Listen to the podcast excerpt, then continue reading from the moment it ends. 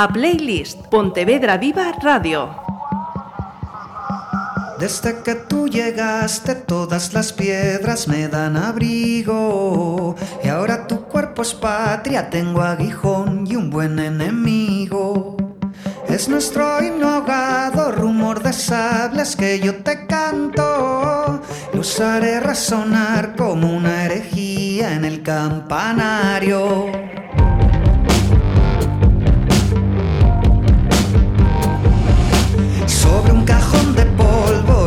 Cerca de tu mirada. Y este olor a combate es la brisa fresca de tu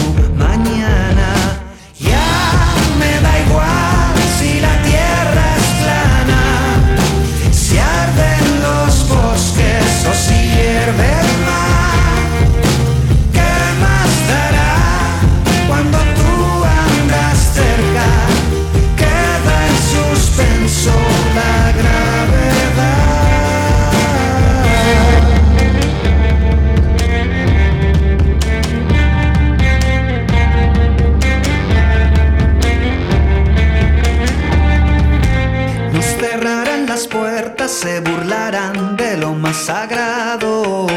Pobre de ellos, aún no lo saben, pero ya hemos ganado.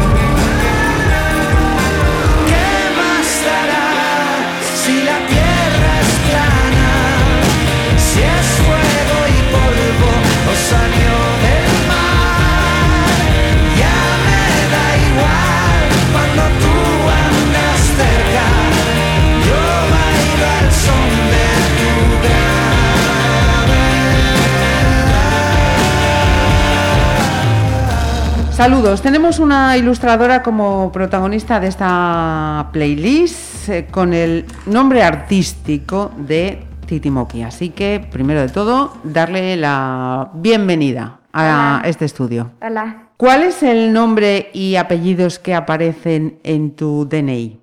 Bueno, yo me llamo Laura da Silva y busqué el seudónimo de Titimoki para, bueno, salir un poco de lo normal, porque como tenía un nombre y un apellido bastante comunes. Quería buscar algo para afirmar que fuera un poquito original y por eso el nombre raruno del seudónimo. Bueno, pues se nos adelanta una preguntilla. Luego, haré algún inciso, a ver si tenemos algún, algún detalle más. ¿De dónde es Laura? Eh, bueno, yo nací en Vigo, pero siempre digo que me crié más bien en Santa María de Olla, porque siempre escapaba mucho hacia allí. Como tengo el mar y el campo, pues la verdad que escapaba bastante de, de Vigo. ¿Y dónde vive? Estoy viviendo en Tui ahora. ¿Y qué le gustaba, qué más le gustaba hacer a Laura cuando era niña? Pues no sé, porque me gustaba estar en el jardín, leer, jugar con el perro, la verdad, no sé, como cualquier niño, me imagino no me pasaba el día dibujando como es el tópico en estos casos, la verdad. Bien. Iremos ahondando. ¿Cuál es la primera selección que has traído a la Play? Pues con el Vals d'Amélie de Jan Tiersen. Perfecto.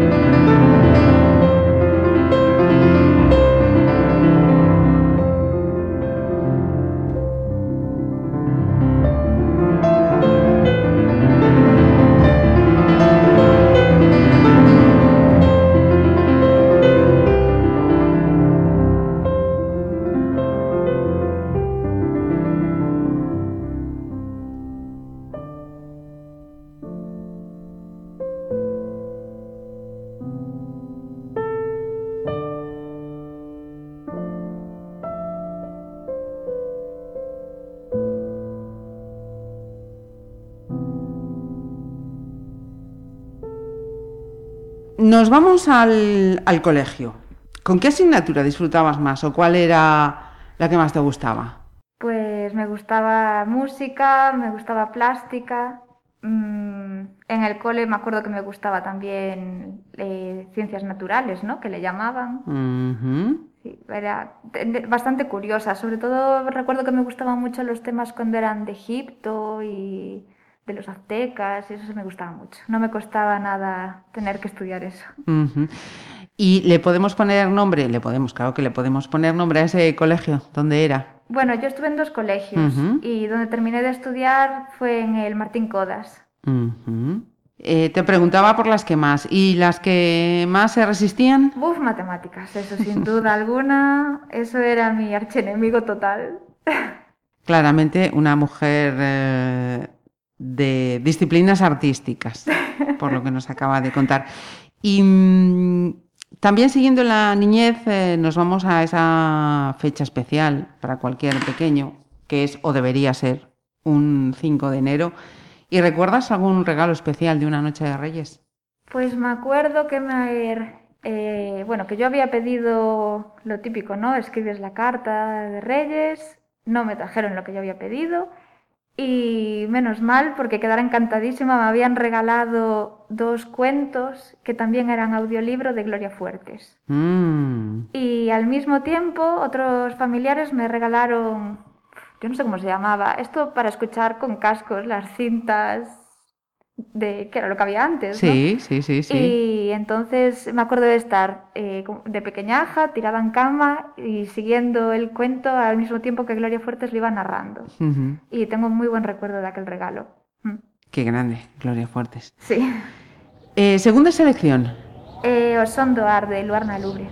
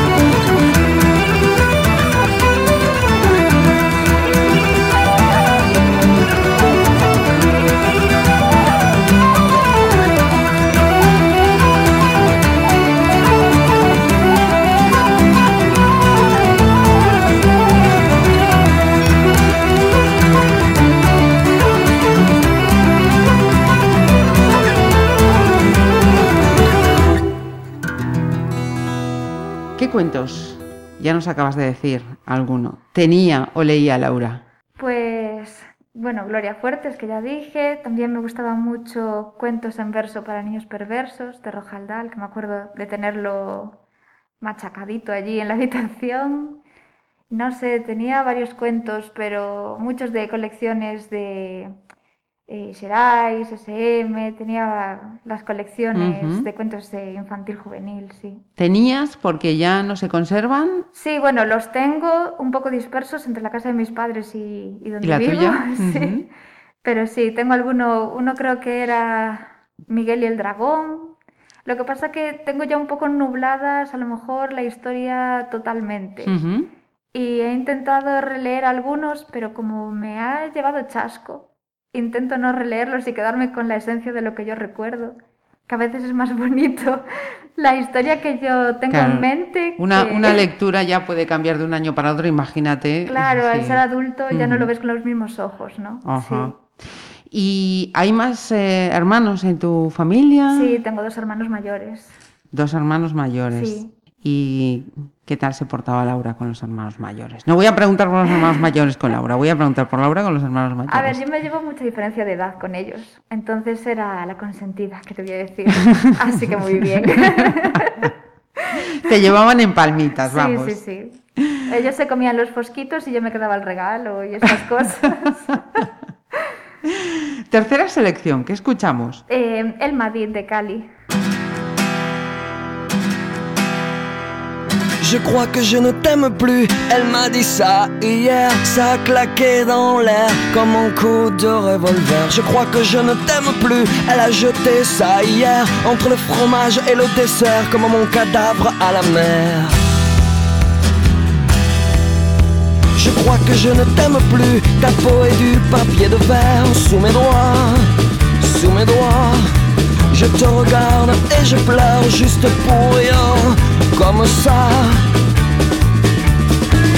Sans raison, je pleure, à gros bouillon, je pleure, comme devant un oignon, je pleure. Arrêtons là, la la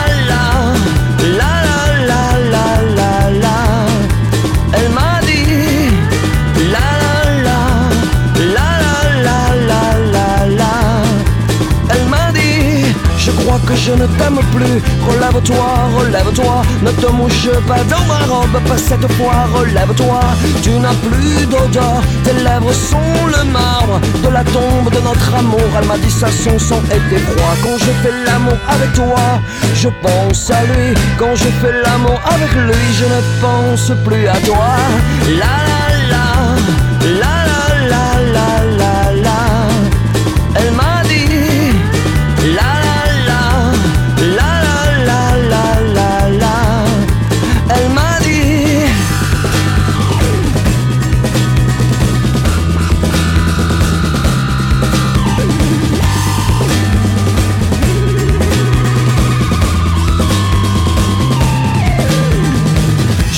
Je ne t'aime plus. Elle m'a dit ça hier, ça pétait dans l'air comme un vieux coup de tonnerre. Je crois que je ne t'aime plus. Je te regarde, je ne vois rien. Tes pas ne laissent plus de traces à côté des miens. Je ne t'en veux pas, je ne t'en veux plus. Je n'ai juste plus d'incendie au fond du ventre, c'est comme ça.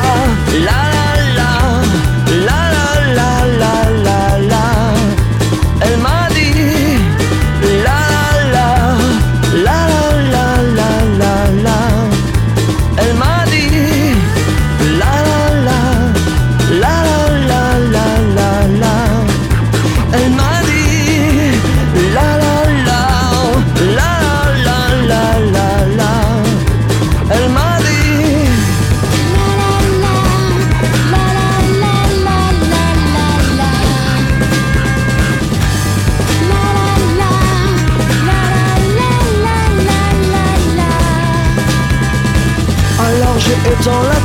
mais je n'ai pas trouvé le courage par la fenêtre de me jeter. Mourir d'amour n'est plus de mon âge. Elle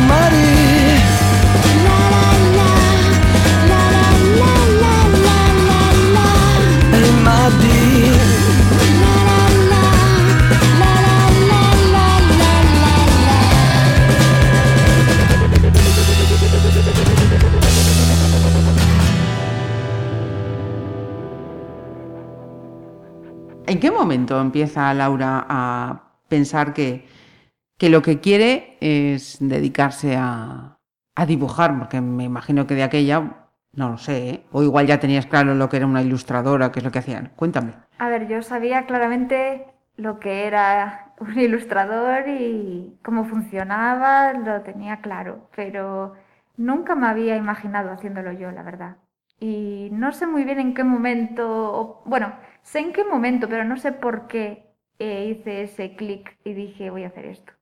No, no lo tengo muy claro aún, porque en realidad pude haberlo hecho mucho antes y, y esperé bastante, porque, a ver, yo ahora ya no sé a qué edad empecé en el garaje, pero igual tenía ya 25 años o así, no sé por qué fue en ese momento. Sí, Ajá. sí que, por ejemplo, lo de escribir, a mí me gustaba mucho escribir, de- me encantan y me encantaban las libretas. Sí. Sí, sí podía tener cinco, ¿para qué iba a tener cuatro? Y cada libreta era una para, para una cosa. Una era para poesías, otra era para historias, otra anotaba refranes, que también me gustaba mucho. Y, mm, y me acuerdo que me gustaba, pero tampoco le daba valor y hasta no me gustaba enseñarlo. Me costaba enseñárselo hasta a mi familia. Me daba vergüenza. Pero me acuerdo que nos pusieron, yo hice el ciclo superior de educación infantil Te iba a preguntar, porque antes del garage eh, Sí. estaba el ciclo de, Sí. de infantil. Y mm, bueno, nos pusieron un ejercicio. eh, teníamos, nos- el profesor, que se llama Borja, estábamos en la clase de didáctica, y nos puso una viñeta de Francesco Tonucci. Ajá. Y nos dio la viñeta en un folio y nos dijo que teníamos que escribir sobre eso en base a la teoría. ¿Qué pasa? Que a mí me puso aquella viñeta, claro, Francesco Tonucci eh, reivindica... eh, La ciudad de los niños. Claro, los- pero lo hace con humor. Ujú. Entonces a mí me pones eso y yo te respondo con humor también. No, no lo pude ni evitar, además, me salió de forma natural. Y se me fue un poco la pinza y en vez de ceñirme a la teoría del libro, que era lo que el hombre quería, escribí una historia basándome en aquella ilustración. Y a los 10 minutos nos pidió las hojas y se la di. Y empezó a leer en voz alta algunas cosas de los compañeros. Claro, según la definición de no sé qué, y yo ya, bueno, Me fui. ya me eché fui las manos yo a la ya. cabeza, eché Sí. las manos a la cabeza y dije, madre mía, va a pensar que le estaba tomando el pelo, porque claro, tú imagínate, ¿no? Que esto es un ciclo de adultos y yo cojo y le salgo con esto, Ujú. va a pensar que estaba, bueno, me estaba cachondeando de él o algo. Y el tipo me debió de ver la cara, que soy como un libro abierto, y me preguntó qué pasaba. Y yo le dije, bueno, Borja, tienes que perdonar, pero lo que te escribí no es lo que pedías. Me... Se me fue un poco la pinza y lo tomé por otra parte. Y entonces se le ocurrió la grandísima idea de leerlo en voz alta también. Ujú. Pero yo siempre, ya se lo dije a él también, que si hoy eh, escribo cuentos y ilustro cuentos, fue por su reacción. Ajá. Porque en lugar de echarme una bronca, ¿no? que a lo mejor es lo que me habría pasado con otros profesores, mm, imaginamos, em, le hizo gracia que se me fueran por ahí, por esos derroteros, y me dijo que le gustaba mucho y me preguntó si nunca me había planteado mandar a concursos. Y claro, me quedé bastante alucinada porque no, nunca me lo había planteado. Y en ese momento eh, fue cuando dije, bueno, pues igual no es tan mala idea esto de, de enseñar lo Ujú. que escribo, por lo menos, y mandarlo a concursos. Ajá. Empezó ahí un poco. Bueno, pues un punto de inflexión en la vida de Laura, sin duda, al que vamos a poner musicalmente, ¿qué? Eh, pues una canción de Nina Simone que se llama Feeling Good. Birds flying high, you know how I feel. Sun in the sky, you know how I feel. Breeze drifting on by, you know how I feel. It's a new dawn, it's a new day. It's a new life for me, yeah. It's a new dawn, it's a new day. It's a new life for me. Woo, woo, woo and I'm feeling good.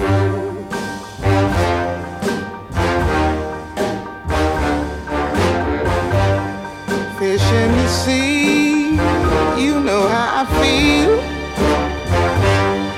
River running free, you know how I feel. Blossom on the tree, you know how I feel. It's a new dawn, it's a new day.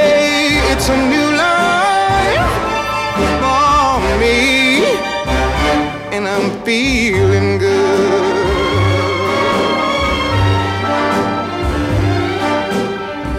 Dragonfly out in the sun, you know what I mean, don't you know? Butterflies all having fun, you know what I mean. Sleep in peace when day is done, that's what I mean. And this old world is a new world and a bold world for me. Yeah, yeah.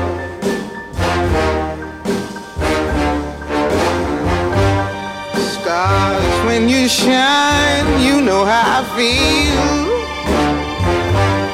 Scent of the pine, you know how I feel. Oh,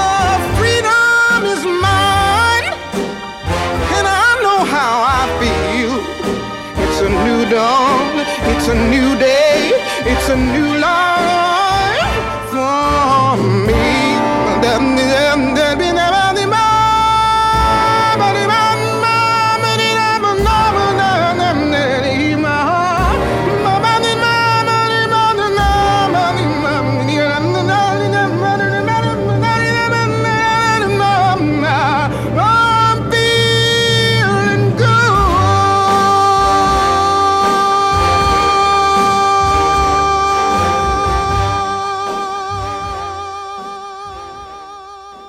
Bueno, pues vamos a seguir hablando de la formación de Laura, pero antes vamos con unas eh, preguntillas mm, de su parte más personal.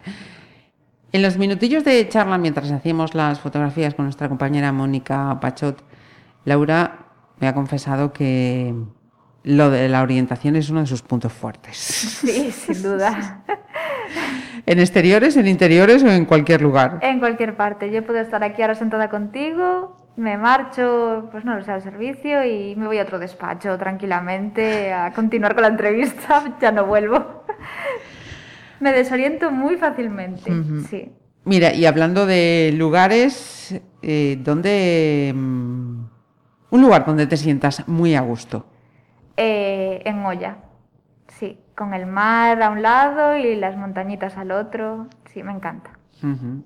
Eres de mar y montaña, las dos, ¿no? te- Sí, sí, sí. Sí. ¿Y una buena compañía cuál sería? Pues no lo sé, mi familia o mi pareja. Sí. ¿Cómo se llama? Ángel. ¿Y cuando aparece Ángel en la vida de Laura? Pues fue cuando, al poco tiempo de irme a vivir a Tui. Sí. ¿Algún defectillo? ¿Confesable? Pues aparte de la orientación, no lo sé, que soy bastante negada con las matemáticas. Ya me parece más que complicarme la vida esas dos circunstancias. Pues vámonos al otro lado. ¿Cuáles destacarías entre tus virtudes? No lo sé. Soy bastante meticulosa con algunas cosas, me imagino que puede ser bueno para muchas cosas, no lo sé. Ujú. Venga, pues vamos con la mitad de la tabla. Quinta selección musical de esta playlist. ¿Qué escuchamos? Eh, 23 de junio de Vetusta Morla.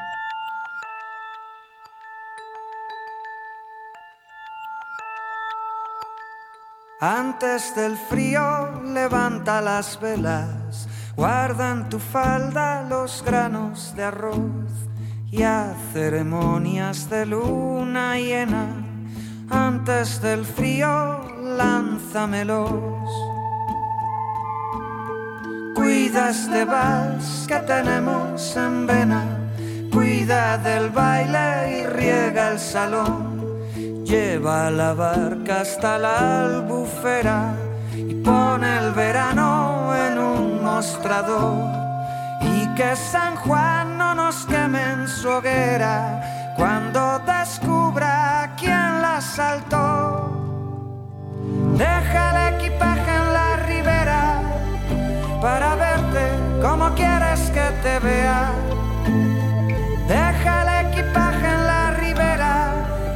quémalo.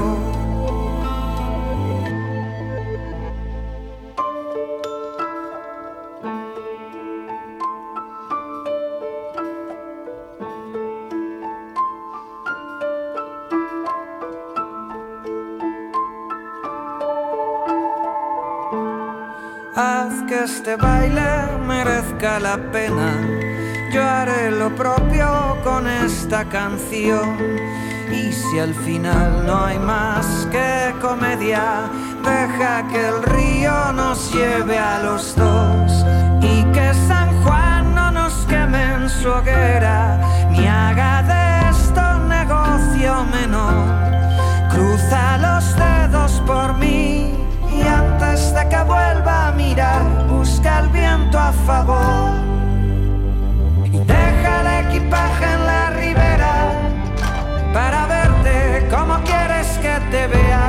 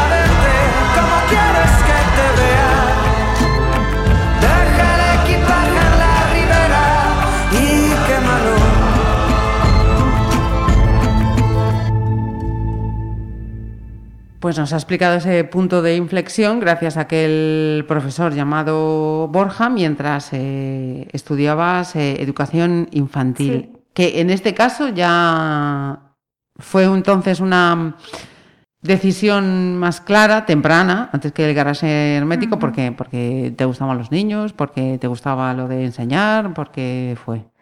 Me gustaba, eh, bueno, yo estaba entre hacer diseño gráfico o infantil, porque lo que me gustaba era hacer, real- estaba un poco perdida, para que nos vamos a engañar.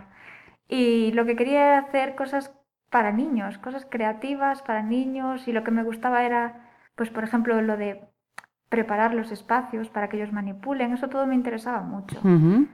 Y yo estudié con muchísimas ganas el, el ciclo superior y me gustó mucho y creo que me aportó eh, muchas cosas que realmente hoy Profesionalmente, te son de profesionalmente me han utilidad. ayudado. Ujú. Sí, sí. Perfecto.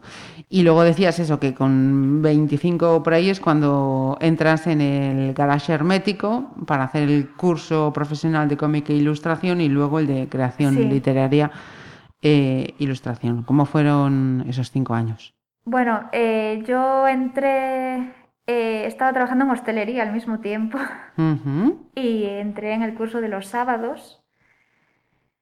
Y bueno, el primer año fue bastante locura porque claro, con, imagínate, ¿no? Compaginar. Claro, con- imagínate trabajar seis días a la semana y uno de esos días eh, venirte a Pontevedra desde Tui, dormida totalmente y dar las clases, volver dormida y continuar trabajando.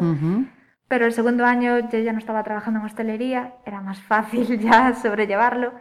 Y era también el primer año que daban el curso de ilustración. Entonces me anoté también al de ilustración, que incluso Kiko me... Claro, cuando le dije que, me- que quería hacer los dos al mismo tiempo, me dijo, bueno, Con calma. me- tranquila, a ver si, si vas a reventar ahora, ¿no? Porque claro, eh, a ver cómo lo llevas. Y la verdad que lo llevé muy bien. Bien. Y una vez que terminas eh, esta formación ya tienes claro hacia dónde quieres dirigir los pasos, ¿no? Sí, sí. Encaminas ya más la, la trayectoria. Sí, a ver, el primer año estaba bastante, yo qué sé, dudosa, porque claro, miras que no tienes el nivel adecuado y bueno, lo que pasa que los profesores, la verdad, mm, tienen mucha paciencia y te van llevando por, por donde tú quieres ir. Porque una cosa que sí que digo siempre que me gustó del garage es que no te indican cómo tienes que dibujar, no te indican cómo tienes que, que hacer una historia, si tú tiras, hay gente, yo tenía compañeros que tiraban por el manga y siguieron por el manga. Yo, por ejemplo, eh, los dibujos que hago son más bien naif y siempre me gustó mucho el humor y por ahí he ido. No te van llevando ellos hacia donde les puede convenir más, no nos llevan a todos por un mismo camino, que sería lo más fácil, me imagino, ¿no? Para dar clase. Pero, Se respeta esa identidad creativa. Sí, sí. Y bueno, al hacerlo de esa forma también te vas conociendo a ti mismo, lo que te gusta, lo que se te da mejor. Mm. Perfecto. Sexta selección musical, Laura. Pues eh, Maldita Dulzura de Vetusta Morla.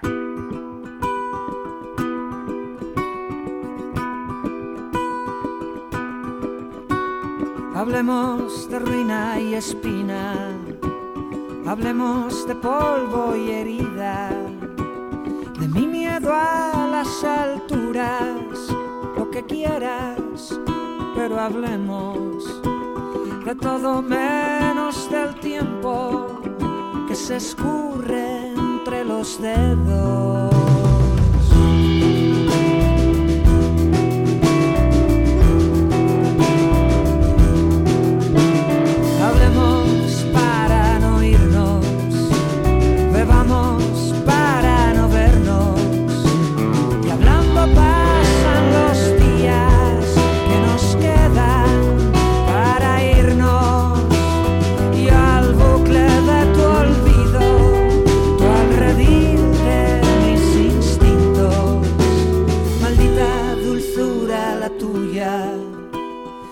Maldita dulzura la tuya, maldita dulzura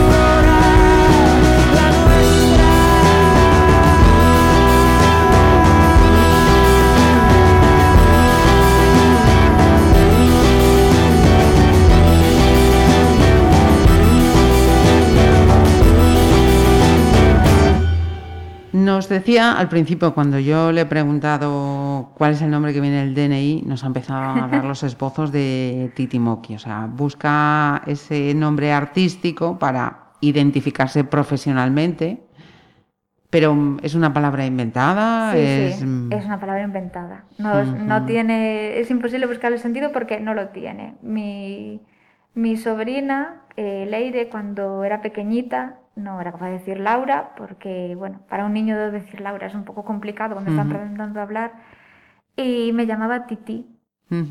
Y la verdad que salió de ahí. Pero bueno, lo de Moki ya no tiene sentido, ¿eh? Es para agregarle algo. Creatividad, otra creatividad más. ¿Y Laura, hacia dónde tira más? ¿Hacia la timidez o hacia la extroversión? Bueno, yo me considero tímida. Lo que pasa que al final hay que tirar para adelante y... y enfrentarte, no te queda otra. Entonces, ¿se siente o te sientes más cómoda entre pocas personas o entre mucha gente? Igual en pocas personas, sí. Sí. ¿Y tiendes más a la ensoñación, a imaginar o al realismo? A la ensoñación, sin duda. Sí, sí, sí. Sí. Bien. Una... Lo voy a dejar para después. Séptima selección. Eh, de Urban Folk Quartet, la canción Swallow. She's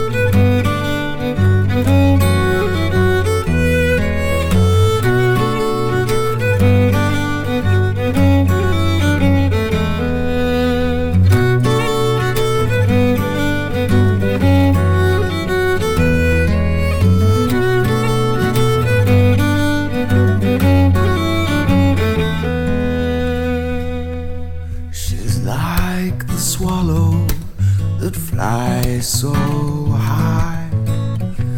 She's like the river that never runs dry. She's like the sunshine on the lee shore. She loves her love, but she'll love no more.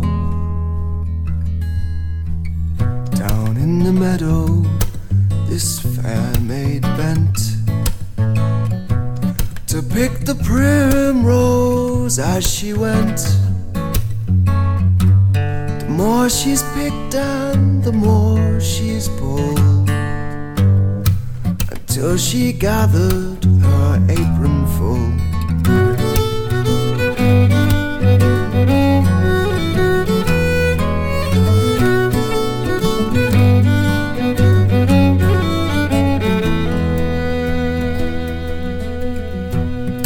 Sat up on yonder hill above. And she took him those flowers as a gift of her love. But he has two hearts instead of one. She says, Young man, what have you done?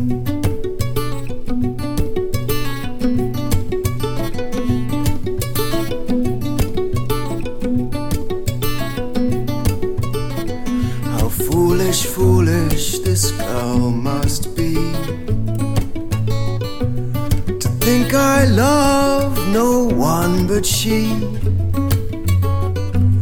The world's not made for one alone. I take delight in everyone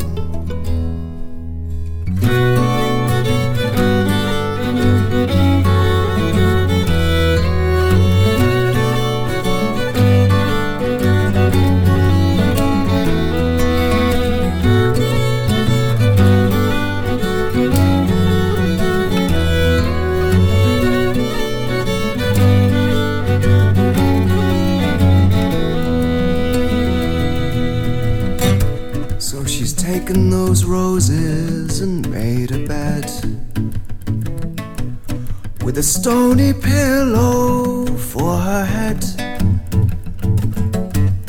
She lay her down, no more to say. Just let her roses fade away. But she's like the swallow that flies so high.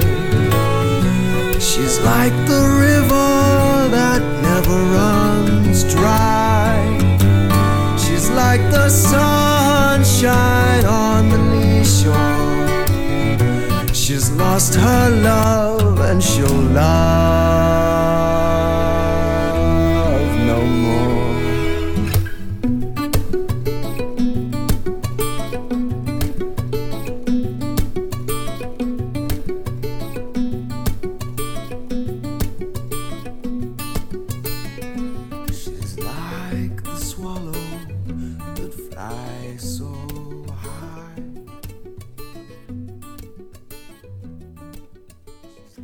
Nos decía que es más tirando a tímida, pero claro, la vida, las situaciones te hacen tener que cruzar la raya muchas veces. ¿Cómo se siente una persona así que, que tira para adentro cuando llegan los premios? Pues... eh, ¿Es los- autoafirmación? ¿Es mm, decir, pues sí, esto... Dime tú, no quiero hablar yo. Es, en realidad lo que pienso es, bueno, eh, qué bien, qué guay, qué ilusión, pero bueno, venga, ya vamos a hablar en público y estas cosas que cuestan un poquito más. Pero al final también es lo bonito, tienes que enfrentarte a las cosas que, que no estás ahí. Salir cómoda, del ¿no? espacio del confort. Sí, sí. no estás en tu salsa. Sí. Mira, tienes un primer libro ilustrado editado con Galaxia, con el nombre Atadez, tu primera publicación en, en solitario. Sí. ¿Qué, qué te ha reportado Atadez? Bueno, pues para empezar me demostró que soy capaz de, de hacer lo que quería hacer, porque cuando, cuando hice ese álbum todavía estaba en el garage. Y mm, a lo mejor fue un poco querer darme también prisas, pero yo tenía que hacerlo ya. Tenía que hacerlo ya, porque eh, yo tenía, seguía todos los ejercicios de, que dábamos en clase, pero yo quería más. Yo estaba en casa y estaba escribiendo y estaba ilustrando eh, lo que a mí me apetecía, mayores, y decía, es que esto está bien, yo me baso en lo que decían los profesores y si cumplo lo que ellos me están enseñando, esto no, es- estoy cumpliendo con todos los requisitos para un buen álbum. Y bueno, se lo mandé a dos editoriales, me dijeron que sí, me dijo que sí Galaxia. Y la verdad que lo iba haciendo al principio bastante nerviosa porque como era el primero, aunque te han enseñado a planificar, no sabes si realmente estás cumpliendo los plazos porque es la primera vez que lo haces. Y sí que recuerdo estar muy nerviosa porque yo soy muy... Bueno, a mí me gusta cumplir los plazos, sean esto o sea en cualquier otra cosa de mi vida. Yo tengo que cumplirlo un horario, tengo que cumplir las cosas con las que me comprometo. Y claro, yo quería cumplir con la editorial. Y al final, bueno, me, sobró, me sobraron 10 días tranquilamente. Atadez. Sí, habiendo ya revisado todo, vamos, que al final sin problema. Y me sirvió para ver que soy capaz de, de llevar un texto a cabo, unas ilustraciones, también de salir un poquito de esto tan cómodo que es el mundo digital, porque claro, el mundo digital para ilustrar es maravilloso. Tienes ahí el control Z, que si la pifias puedes borrar y no ha pasado nada, cosa que con el acrílico es imposible. Y muy bien, me sirvió para saber qué es lo que quiero hacer y que soy capaz. Ajá. ¿El mejor comentario que has recibido de esta publicación? ¿Lo recuerdas? Pues la verdad que, claro, yo no hice presentación porque justo el cuento llegó un miércoles, si no recuerdo mal, o un jueves a las librerías.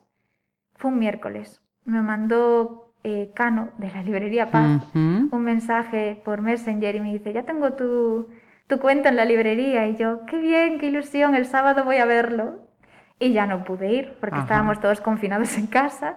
Así que lo que me ha ido llegando es de papis o tíos que le compraron el cuento a los sobrinos o A a, los los, niños. niños, y, y lo que me dicen los niños, así por me mandan algún vídeo o algunas fotos de ellos, pero poquito porque no he tenido feedback, la verdad, aún. Ajá. Octava selección, Laura. ¿Qué escuchamos? Pues Los Abrazos Prohibidos, que es una canción que hicieron homenajeando eh, a los sanitarios ahora con lo del COVID.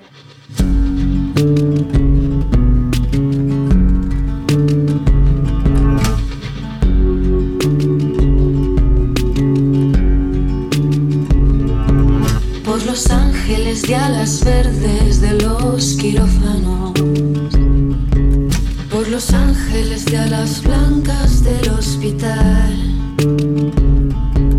los que hacen del verbo cuidar su bandera y tu casa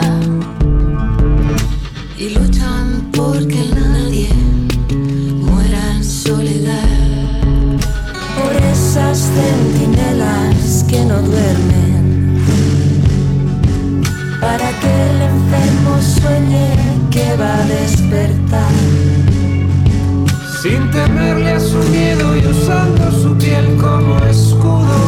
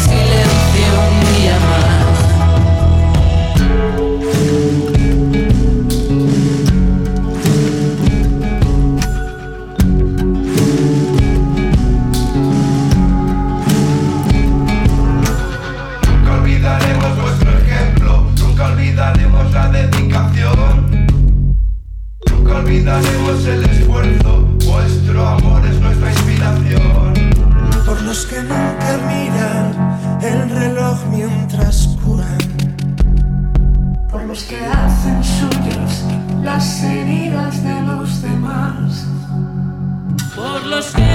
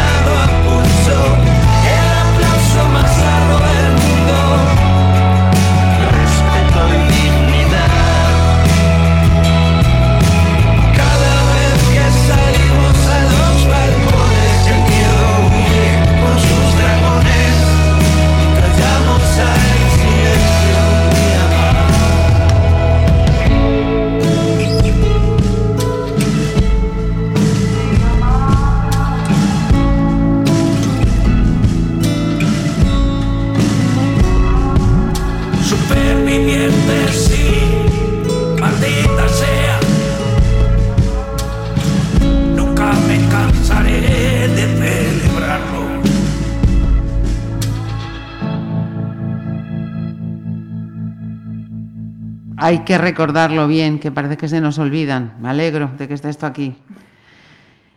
Este 2021 ya viene con, con otro trabajo, Sí. el segundo, también para público infantil.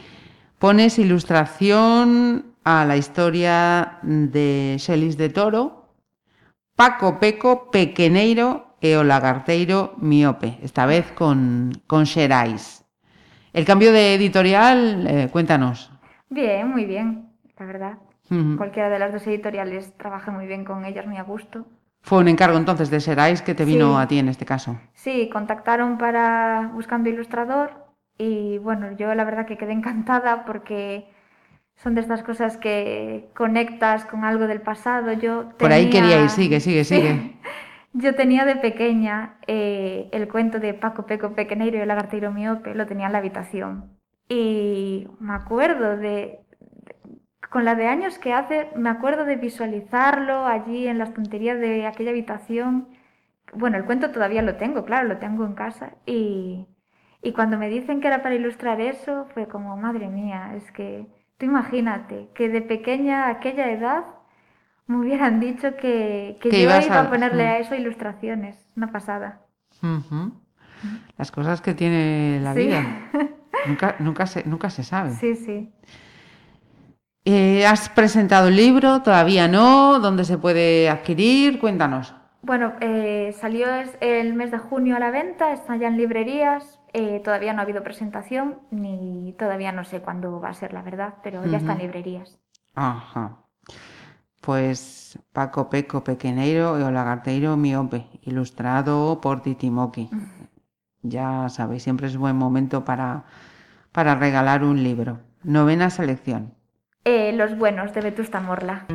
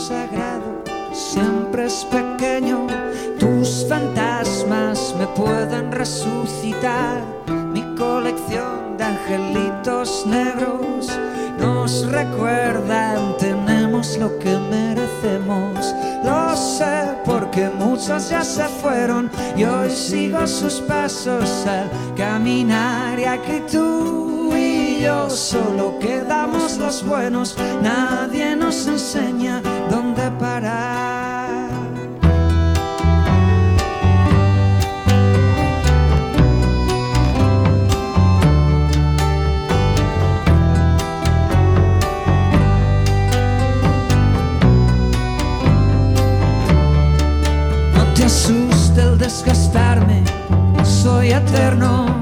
Y esas manos tan puras como el coral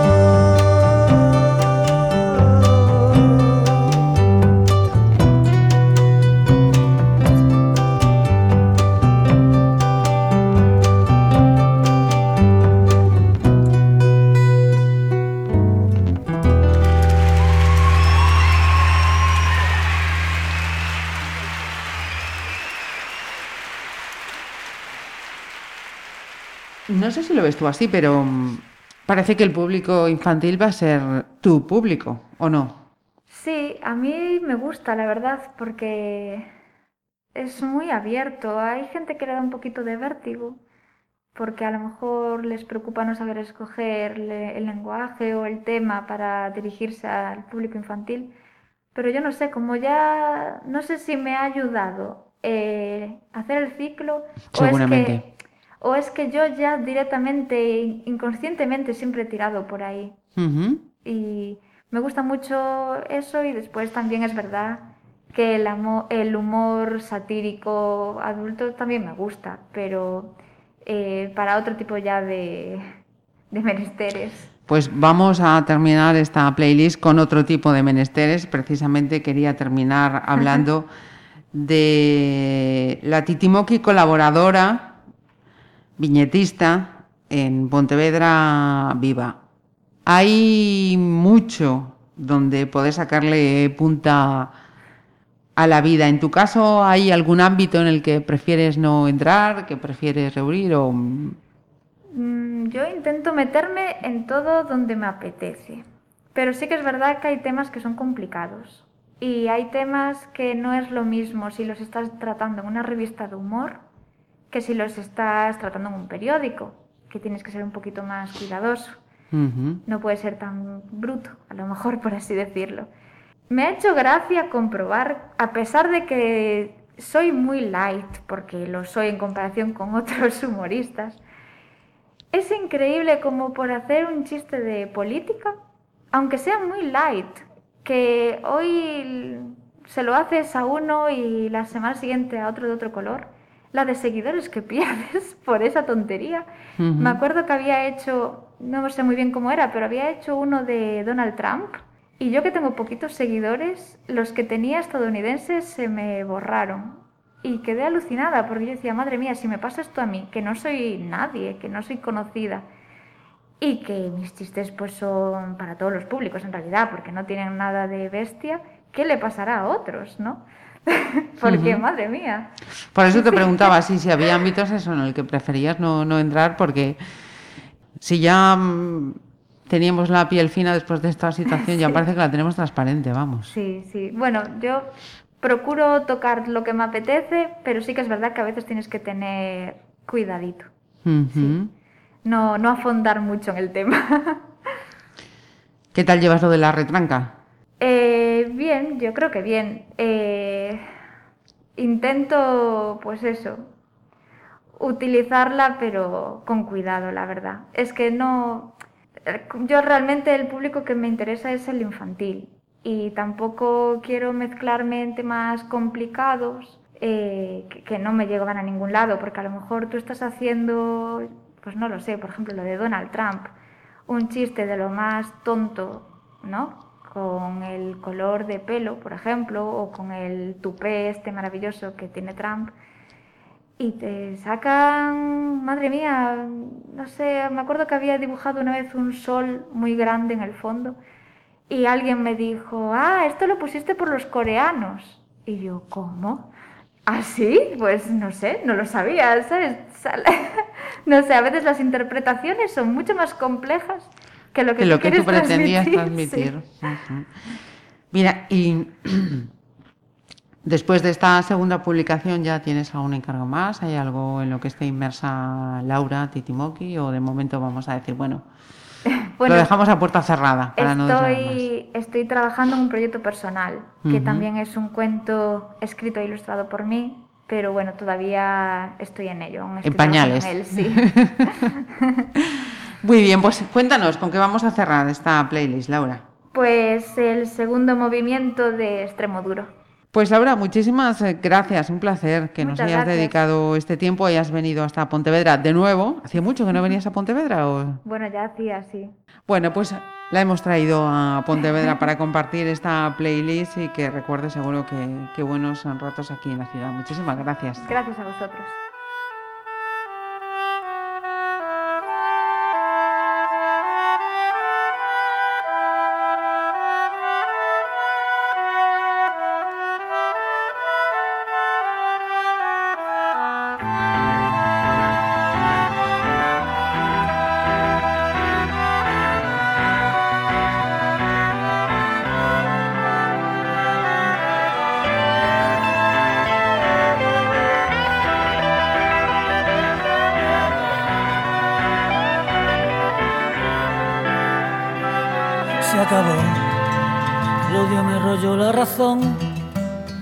Época estoy comprometido. Y el amor se fue volando por el balcón, donde no tuviera enemigos. Y ahora estoy en guerra contra mi alrededor. No me hace falta ningún motivo. Y es que soy maestro de la contradicción y experto de romper lo prohibido.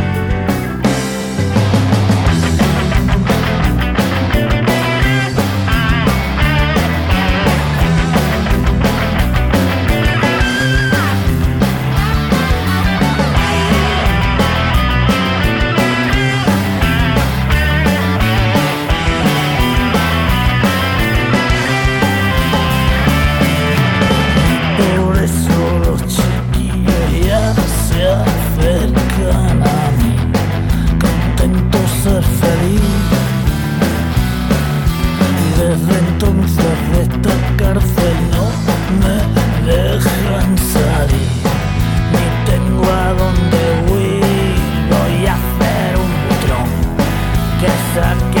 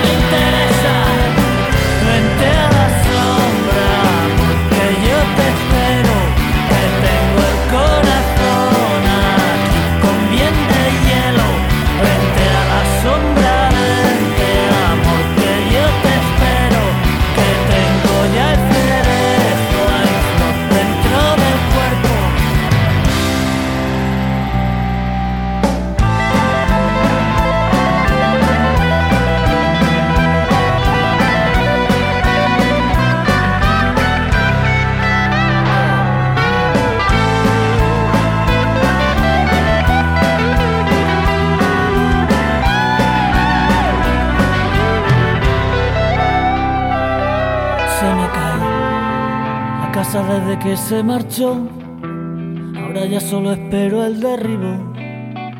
Y es que perdí la pista del eje del salón, estoy continuamente torcido.